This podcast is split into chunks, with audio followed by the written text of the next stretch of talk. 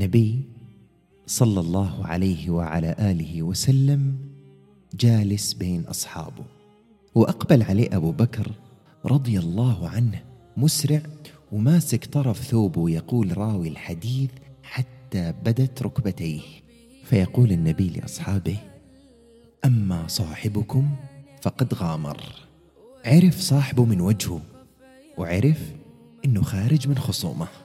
فسلم وقال يا رسول الله إني كان بيني وبين ابن الخطاب شيء يعني خلاف. فأسرعت إليه فسألته أن يغفر لي فأبى. يعني يا رسول الله أنا اختلفت مع عمر وكنت أنا البادي حاولت إني أعتذر منه ما رضي يقبل اعتذاري. وجيتك. فقال له يغفر الله لك يا أبا بكر وكررها ثلاث.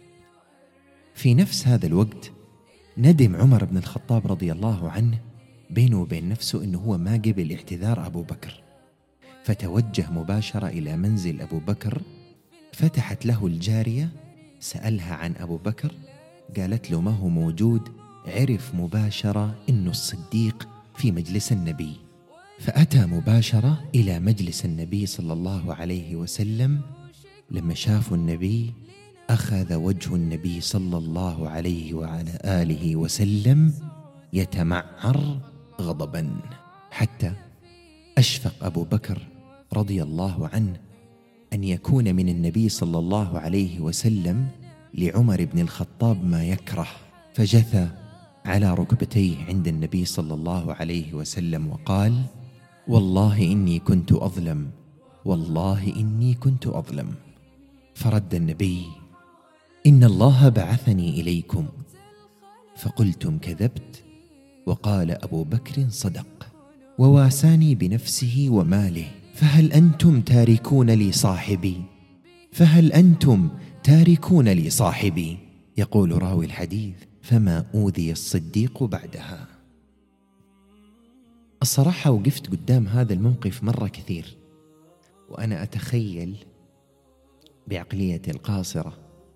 كيف النبي صلى الله عليه وسلم الإنسان الصديق كان يدافع بكل حمية عن صديق عمره ويسطر أسمى معاني الوفاء والامتنان لهذا الصديق.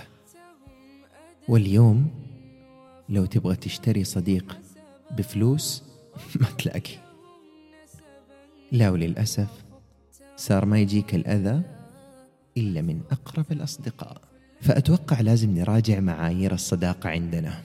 وناخذ المعايير من المثال الأول للصداقة. فلنا في رسول الله أسوة حسنة. وفقتهم حسبا.